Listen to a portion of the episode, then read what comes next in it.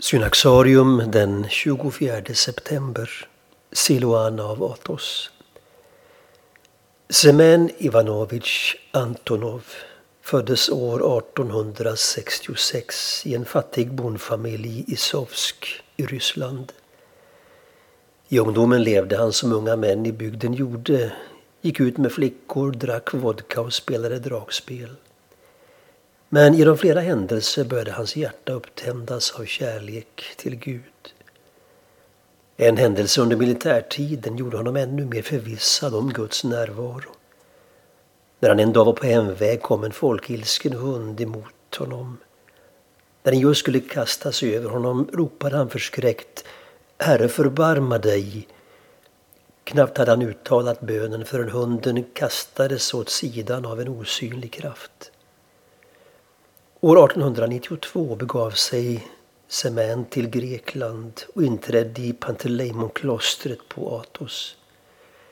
Där skulle han föra sin asketiska kamp i 46 år. Han hade ingen skolutbildning utan hade bara gått två vintrar i byskolan.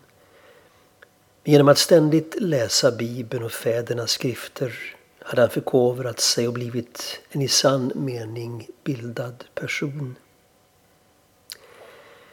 Siluan, som han nu kallade sig, levde ett liv präglat av djup lyhördhet för en helig ande. Han beslutade sig för att ägna sig helt åt bön för att bevara den gåva som förunnats honom. I klostret fick han arbeta i köket.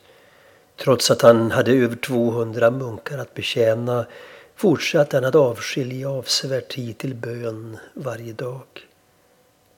Allt eftersom anden lärde honom att känna igen Faderns barmhärtighet i Jesus sökte Silvan en djupare förening med sin Herre.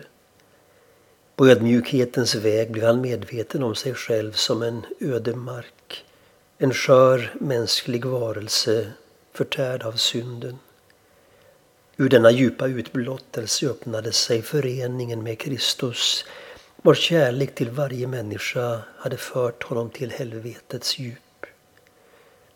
Efter en personlig erfarenhet av övergivenhet hörde Siloan Herrens röst som drog honom upp ur förtvivlans djup. Håll din ande i helvetet och förtvivla inte. Som den som tagit emot tröst kunde nu Siloan bli den som bar andras bördor. Vår broder är vårt liv, sa han ofta.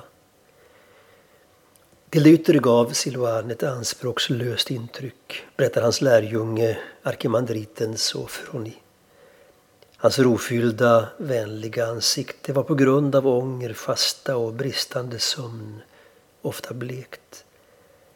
Det fanns emellertid tillfällen då han förvandlades till oigenkännlighet. Då hans bleka, rena ansikte lystes upp av ett uttryck som blev så övermäktigt att man inte kunde se på honom utan att slå ner blicken.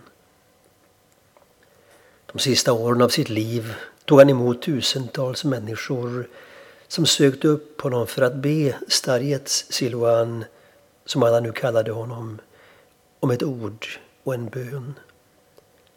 Han dog i sitt kloster den 24 september 1938